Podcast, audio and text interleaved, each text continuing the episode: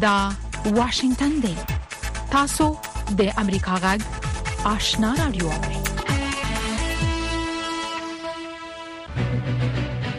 قدرمن اوریدونکو السلام علیکم زه شافیا سردار یم دا د امریکا غږ آشنا رادیو خبرونه پیل شوه لومړی به خبرونه واوري السلام علیکم درنو ریدونکو ستړي مشه زه زیبا خادم یم دا د امریکا غږ آشنا رادیو خبرونه ده د نړۍ د دې ساعت خبرونو ته ستاسو پام را اړوم د طالبانو د حکومت د بارنیو چارو د وزارت مرستيال شیر محمد عباس تنګزی یو ځل بیا د لومړنۍ دورې نه پورته د جنکو په زده کړو په بندیز باندې کلک انتقاد کړي او ویلي دي چې د همدې مسلې له امله ملت د طالبانو نه لری کیږي عباس ستانکزي د دسمبر په ومه په کابل کې د سرحدونو قومونو او قبایلو د چارو د وزارت تعلیمي ادارو نه د زده کوونکو د فراغت په مناسبت غونډه کې ویلي د جنکو نه د زده کړو حق اخیستل د هغوی په حق باندې تیرې او سرګند ظلم دی او له همدې امله ملت له طالبانو نه لری کیږي خفکیږي او ګیله لري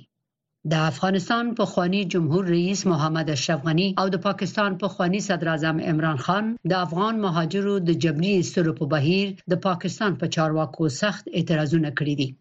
محمد اشرف غني د مهاجرو په زور راستنول ظالمانه او د نړیوالو اصولو خلاف بللي او عمران خان ویلي دي چې دا عمل به د پاکستان په حق له په افغانانو کې منفي احساسات پیدا کړي او د کابل او اسلام آباد ترمنځ اړیکې به خرابې کړي عمران خان چې اوس په بندیخانه کې دی وایي هغه کسان چې د جنگ او نورو ستونزو له امله مهاجرت ته اړ شوي دي د هغوی سره ښه چلند او درناوی په مونږ فرض دی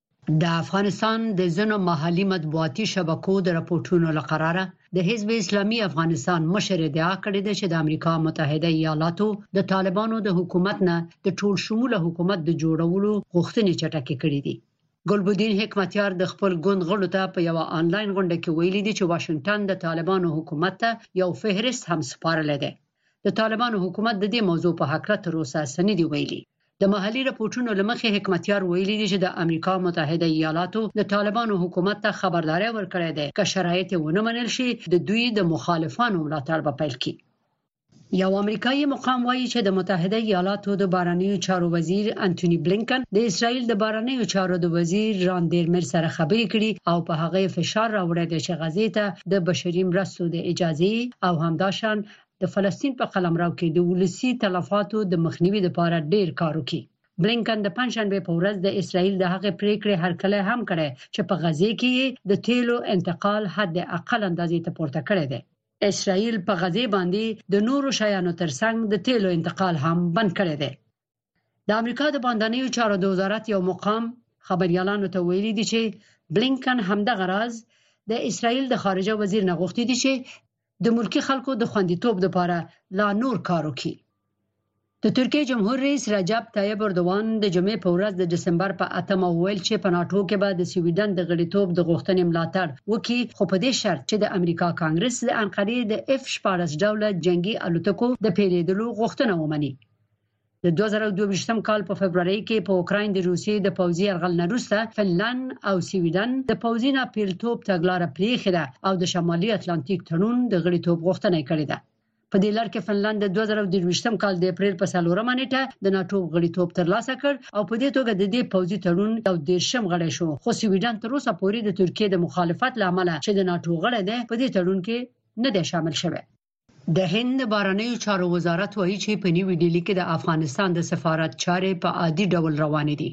د دې وزارت نطاق د پنځشنبه په ورځ په خپل ونیز کانفرنس کې ویلي دي چې په نیوي ډیلي کې د افغانستان د سفارت ترڅنګ په ممبای او حیدرآباد کې هم د افغانستان د قونسلګریو چارې ادامه لري د هند خارجه وزارت نطاق زیاته کړې ده چې د افغانستان سفارت د افغانستان د اسلامي جمهوریت استازیتوب کوي نه د طالبانو د نظام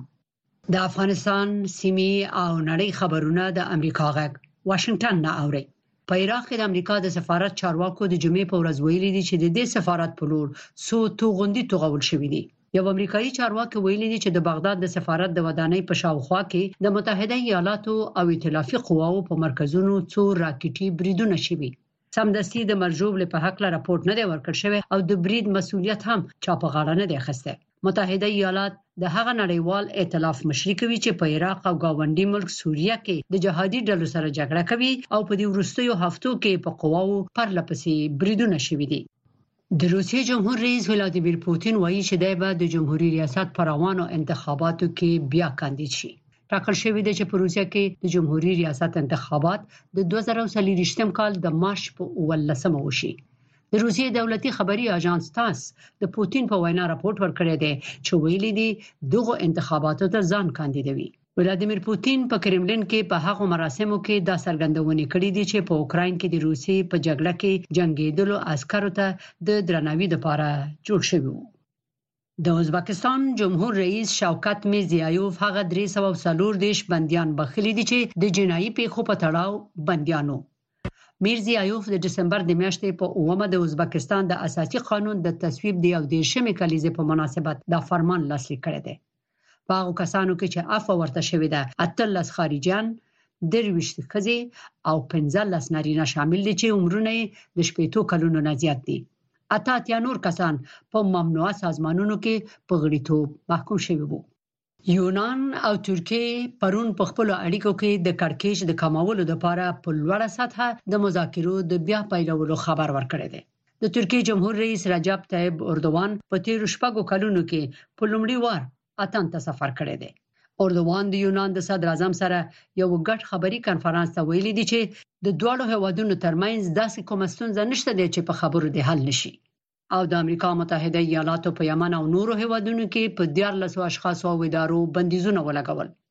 د امریکا د خزانه وزارت پرون ویلي دي چې دغه کسان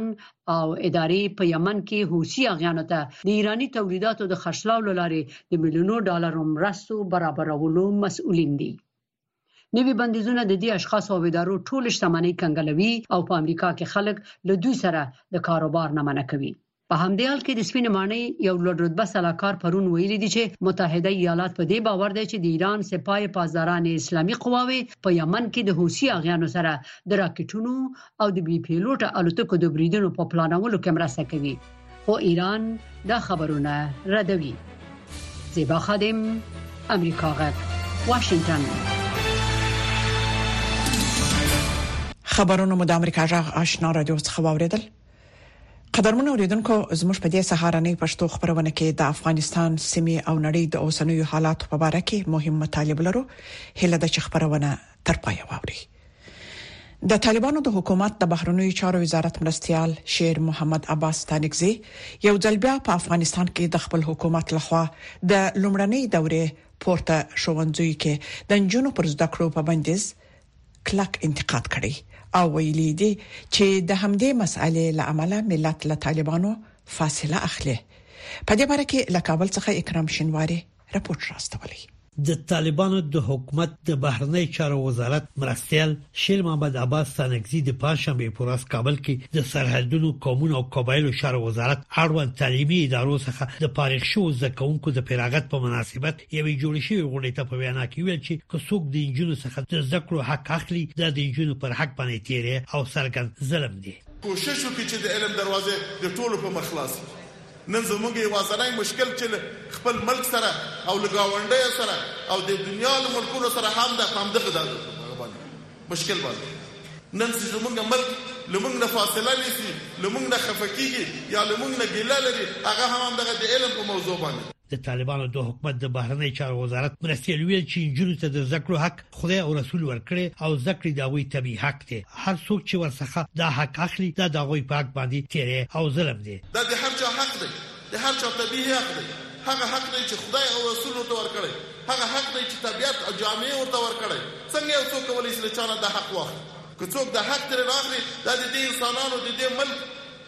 د دې افغانانو په مقابل کې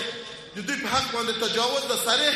ظلم دی. ښاغلي ستانکزي په خپلو څرګندونو کې دا ونه ویل چې چا د انجونو څخه دا حق اخیستی دی، خو د انجونو زده کړو سره مخالفت یې د ځینو کسانو د شخصي خواهشاتو له امله وباله. هغه ویل چې فکر کوي د زده کړو سره مخالفت د دې هېواد د بچیانو سره لویه جفا ده. عباس ستانکزي ویل چې که څوک د انجونو د زده کړو سره د مخالفت په برخه کې دلایل لري باید چې څرګند یې کړي. د طالبانو حکومت د 2020م کال د اگست په میاشت کې په افغانستان کې وخت د بیا رسیدو وروسته اصلا د انجونو د لومړنۍ دورې څخه پورته خونځیو کې د زده کړو اجازه نه ورکړي همدا شان تیر کال د دسمبر د میاشتې په ورسیو کې په پانتونونو او لوړ زده کړو موسسو کې هم د انجونو په زده کړو بندیز لګولې طالبان حکومت د پوهنې او روغتیا سکتورونو پرته د ملګرو ملتونو په ګډون په دولتي او غیر دولتي ادارو کې د خزو په کار باندې هم بندیز لګولې ملګرو ملتونو د بشري حقوقو شورا د خزو په وړاندې د طالبانو د حکومت دا کړنې د جنسیت پر بنسټ سیستماتیک تبعیض بلل او د طالبانو له حکومت په فوري ډول د دغو محدودیتونو د لغوه کېدو غوښتنه کړې ده د لومړي ځل نه دی چې ښاغلی سانکزی د جنو د خونځي په تړلو باندې کلک انتقادونه کوي هغه د مخه هم څو ځلې ورته انتقادونه کړي خو تر اوسه د ښاغلي سانکزي دغو انتقادونو د جنو خونځي د پرانیستو سره مرسته نه ده کړې د ملګرو ملتونو د بشري مرستو د همغږۍ دفتر اوچا د خلکو په ورځني ژوند باندې د طالبانو د حکومت لخوا د شو زونو پریکړو د اغیزو په اړه په یو راپور کې چې د دسمبر په لومړۍ کې خبر کړي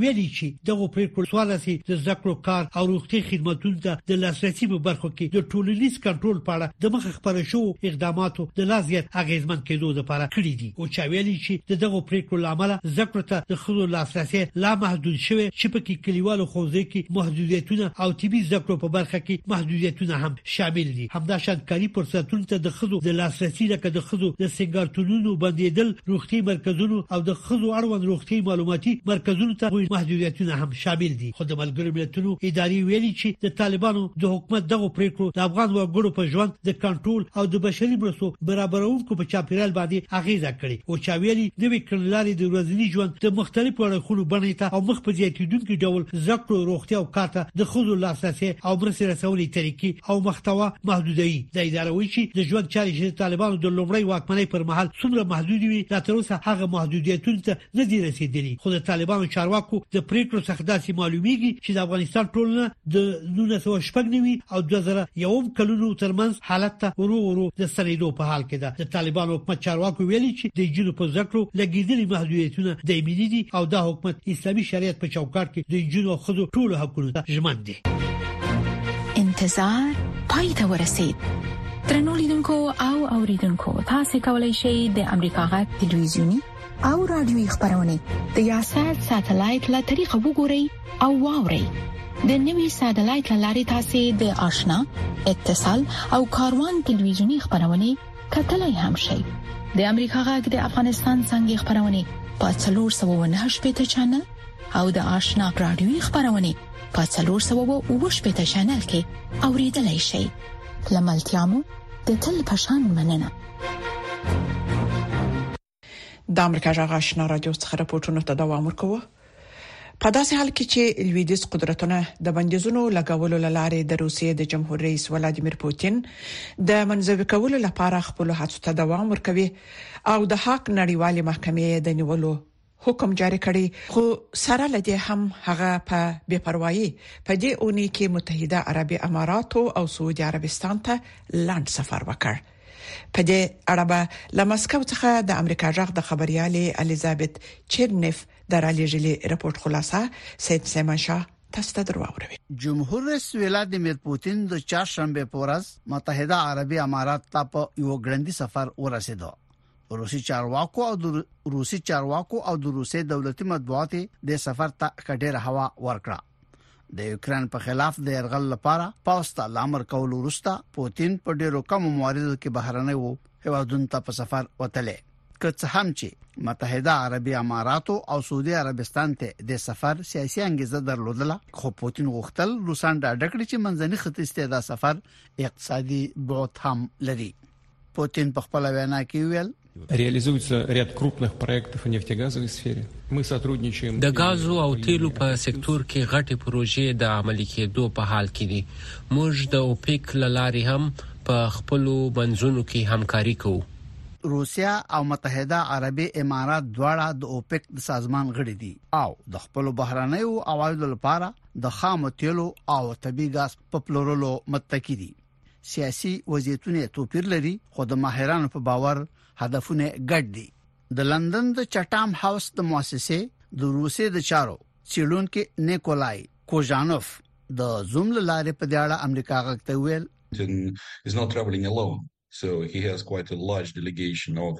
پوتین یوازې سفر نه کوي له همدې کبله یو ډله خلک په هیئت کې شامل دي چې اکثره یې یوازې د روسیې د حکومت د سیاسي سکتور استازیتوب نه کوي بلکې د اقتصادي چارو مسؤلین هم ورسره ملګري وي نو بل شک موږ باید دا توقع ولرو چې هغوی به د تیلو د مارکیټونو د روان وضعیت او د اوپیک دننه د خپلو هلو ځلو یو موټي کولو په اړه حتماً ږغیدلي وي. له لویدیځ سره د مسکو د ټکر په ترڅ کې کرملین دې ډول د لوړې کچې ملاقاتونو ته په روسیه کې دننه د خلکو د قانع کولو لپاره د یو ښه فرصت په نظر ګوري. غواړي چې هغه په دې ډاډه کړي چې د لویدیزو قدرتونو لخوا د لګیدلو بندیزونو باوجود روسیا په نړۍ کې یوازې نه ده په داسې حال کې چې د اسرایل او حماس ترمنځ د جنگ سرلیکونو د نړیوالو پام را جلب کړي د څارونکو په باور سعودي عربستان ته د پوتين د سفر انزورونه مسکو ته د دې فرصت په لاس ورکړي چې خپل ځان پر روانه شخړه کې د واشنگټن د مد مقابل او سیال په توګه وخی په لندن کې د رائل یونایټډ انسټیټیوټ د منځني ختیځ امنیتي چیرونو د مرکز غړی توبیاس بورک وای روسیا غواړي چې لږ شخړنه په خپل ګټه کار واخلي the west and the united states especially but europe too um has so لویدیځ قدرتونه او په خاصه توګه متحده ایالات او بې له شکه اروپا هم په دومره فوق العاده زیاته پیمانه له اسرائیل سره ملګری سوي دي چې بې له شکه په منځني ختیځ کې ورته له اسرائیل سره د لویدیځ د بې پښتنې او عام او تام ملګرتوب په سترګه کتل کیږي او دا تصور د روسیې د دې روایت لمنلو سره مرسته کوي چې لویدیځ همدا ډول یو امپریالیستي مقتدر طاقت دی چې تل د دوه مخو معیارونو پیروي کوي. په داسې حال کې چې روسیا د یوکران په خلاف په جنگ کې سکهال له دویم ژمي سره مخامخ ده نړیواله انزوا او په نړیوال مارکیټ کې د خامو تیلو د بیه رالیدل لامل اقتصاد کمزورې شوی د روسي مشران اړیستي دي چې د خپل باقی پاتو دوستانو لټه او تپوسو کی سید سلیمان شاه د امریکا غږ واشنگټن متضاد اړخونه بیلابیل دریزونه د سپیناوي تود مخامخ بحث او په اخر کې قضاوت ستاسو پر مهمو سیاسي امنیتي اقتصادي او ټولنیزو مسایلو د افغانستان سیمه او نړۍ باندې د جوړ چیډنیز بحث مهمه اونیزه خبرونه هایل د هرې جمعې په ورځ د افغانستان په وخت د ماخام ونیمونه تر 8 بجو پورې د امریکا غږ د سټلایټ لاري په ژوندۍ بانه هایل د امریکا غږ د روانو چارو نوي ټلویزیونی خبرونه راپورټونه د امریکا غږ آشنا رادیو څخه اوري د متحده ایالاتو سنا د چهارشنبه په ورځ د سپینې ماڼۍ لخوا د هغې وړاندې شوی لایحه مخه ونیول چې پکې اوکرين او اسرائیل ته میلیارډونه ډالر نوي امنیتي مرستې غوښتل شوې وي جمهوریت غشتونکو سناتورانو دغه مرستې له مکسیکو سرحد څخه د مهاجرت د کنټرول لپاره د بودیجې د منځوري سره مشروطه وبلله نور حال په دې راپور کې د سنا یو 50 غړو د دغه لاهي په ضد او نه سلويختي په پلوي رای ورکړه د جمهوریت غوښتونکو ګوند ټولو سناتورانو منفي رای ورکړه په سنا کې د اکثریت مشر چک شومر هم د لاهي په مخالفت رای ورکړه ترڅو وکول شي د بیاکتنې لپاره بل وړاندیز وسپارل شي دموکراټان د اوکراین په اړه جدي دي، جمهوري غوښتونکي نه دي. موږ جدي یو، موږ دوی ته یو زرین فرصت ورکوو چې د سرحد په اړه یو وړاندیز تصویب کړي. جمهوریت غوښتونکي وایي چې د لاهې په اړه د دوی منفي رای د متحده ایالتونو په جنوبي سرحد کې د مهاجرت د کنټرول او په دې اړه د لا سختې تګلارې د پلي کولو لپاره اړینې وې. بلخوا د سپینی ماڼۍ د ملي امنیت سلاکار جیک سولیوان په دې اونۍ په پیل کې وویل چې د اوکرين سره د مرستې وخت په تیری دو دی له حکومت سره به د کال تر پایه د اوکراین لپاره د وسلو او تجهیزاتو ورکولو او په نظامی چمتووالي د کوم اغیز پرته د متحده ایالاتو د زیرمو څخه د وسلو ورکول ختم سي. د امریکا د اساسو د جرګې رئیس مایک جانسن په دې اړه وویل یو لړ مهمې پوښتنې باید ځواب سي ترڅو موږ وکولای سو د دغو خبرو اترو ته دوام ورکړو لومړی دا چې موخه یې څه ده په اوکراین کې د لوبې پای څه دی موږ څنګه د امریکایي مالیه ورکوونکو د قیمتي پیسو سمه څارنه کولای سو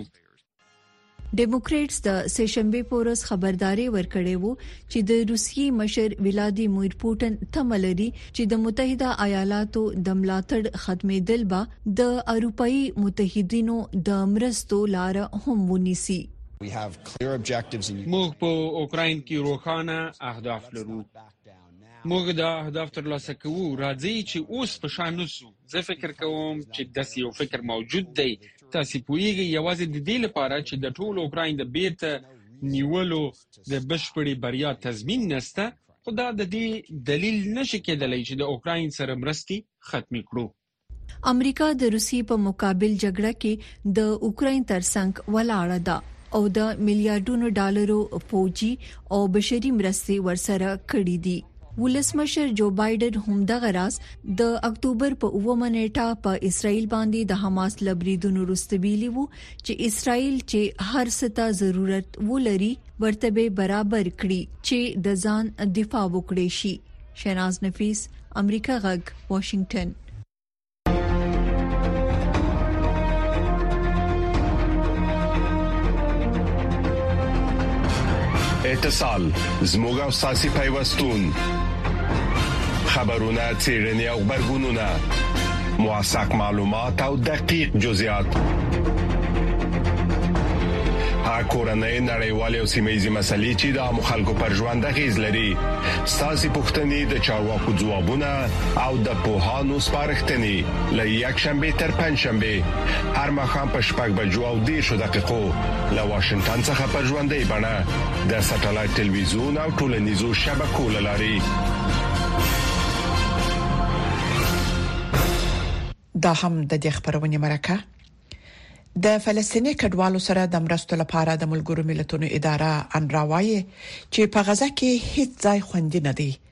د دغې ادارې ویاندې جولیت توما د امریکا جغ سره په یو ځانګړي مرکه کې وویل چې تیر اونۍ غزه ته د سفر په وخت کې ولیدل چې په جنوب کې هم بمباري روان دي او تاییدوي چې د ملګرو ملتونو یو سلو دیش همکاران وژل شوی دي زموږ همکاري نظرانه یوسفزۍ د جولیت توما سره مرکه کړې ده په غزه کې د ایسارو خلکو ژوند څنګه دی؟ تاسو څه ولیدل؟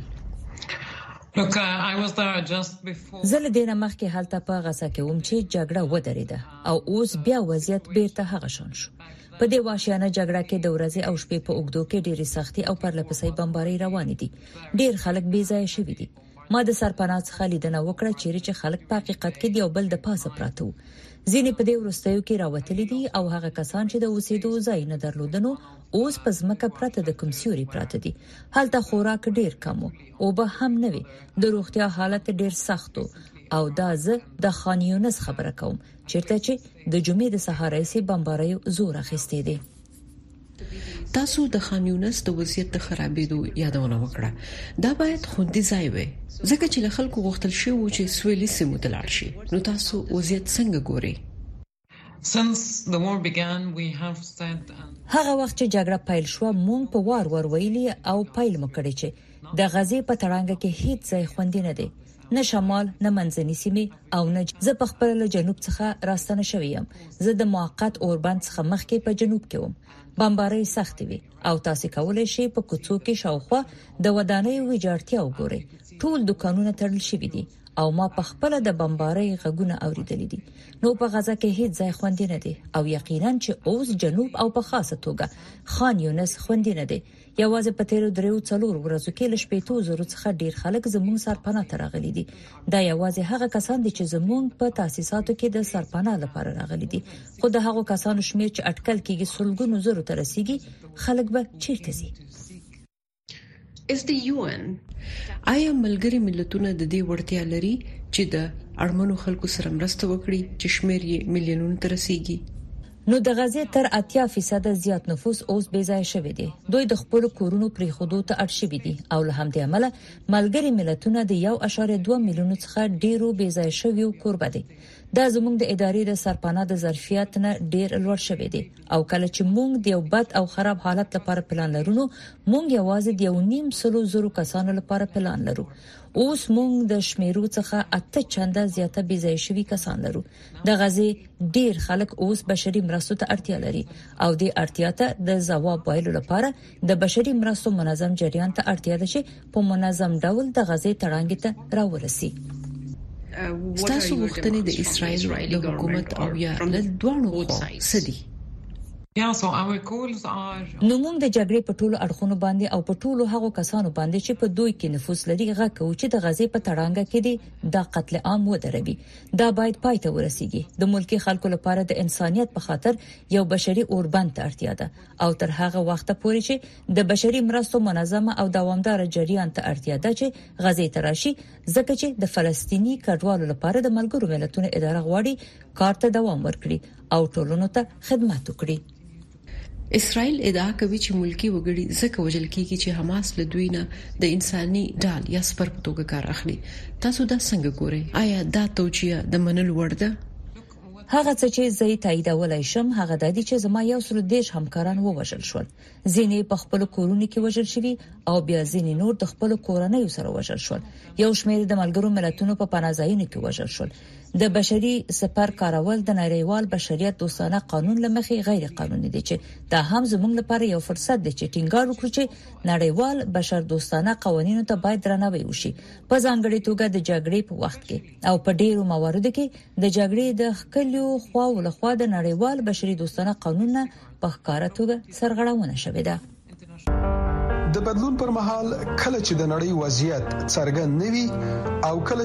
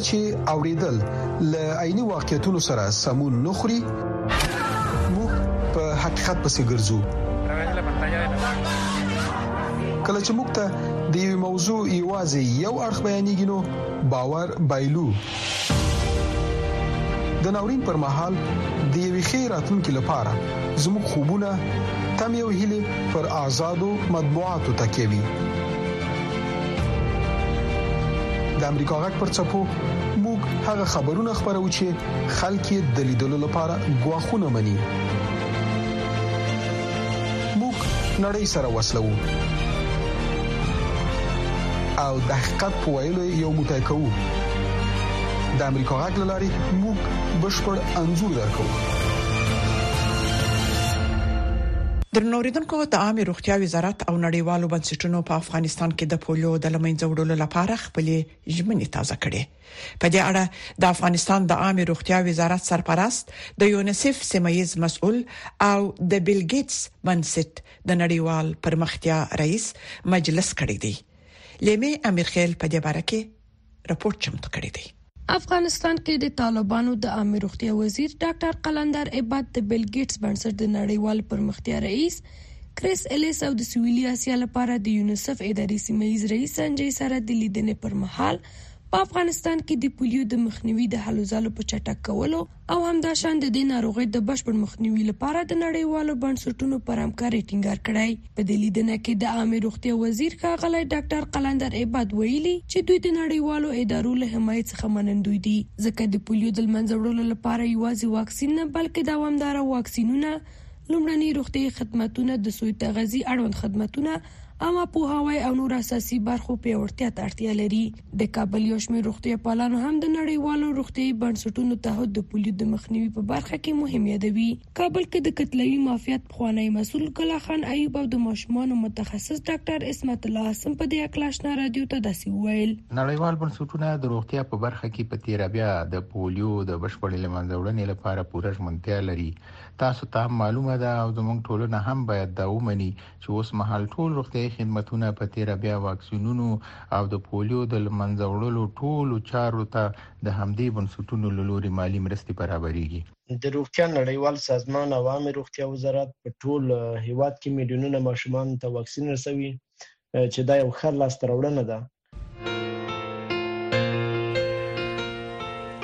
درنوریدونکو زموږ د خبرونه په همدې ځای پای ته ورسیده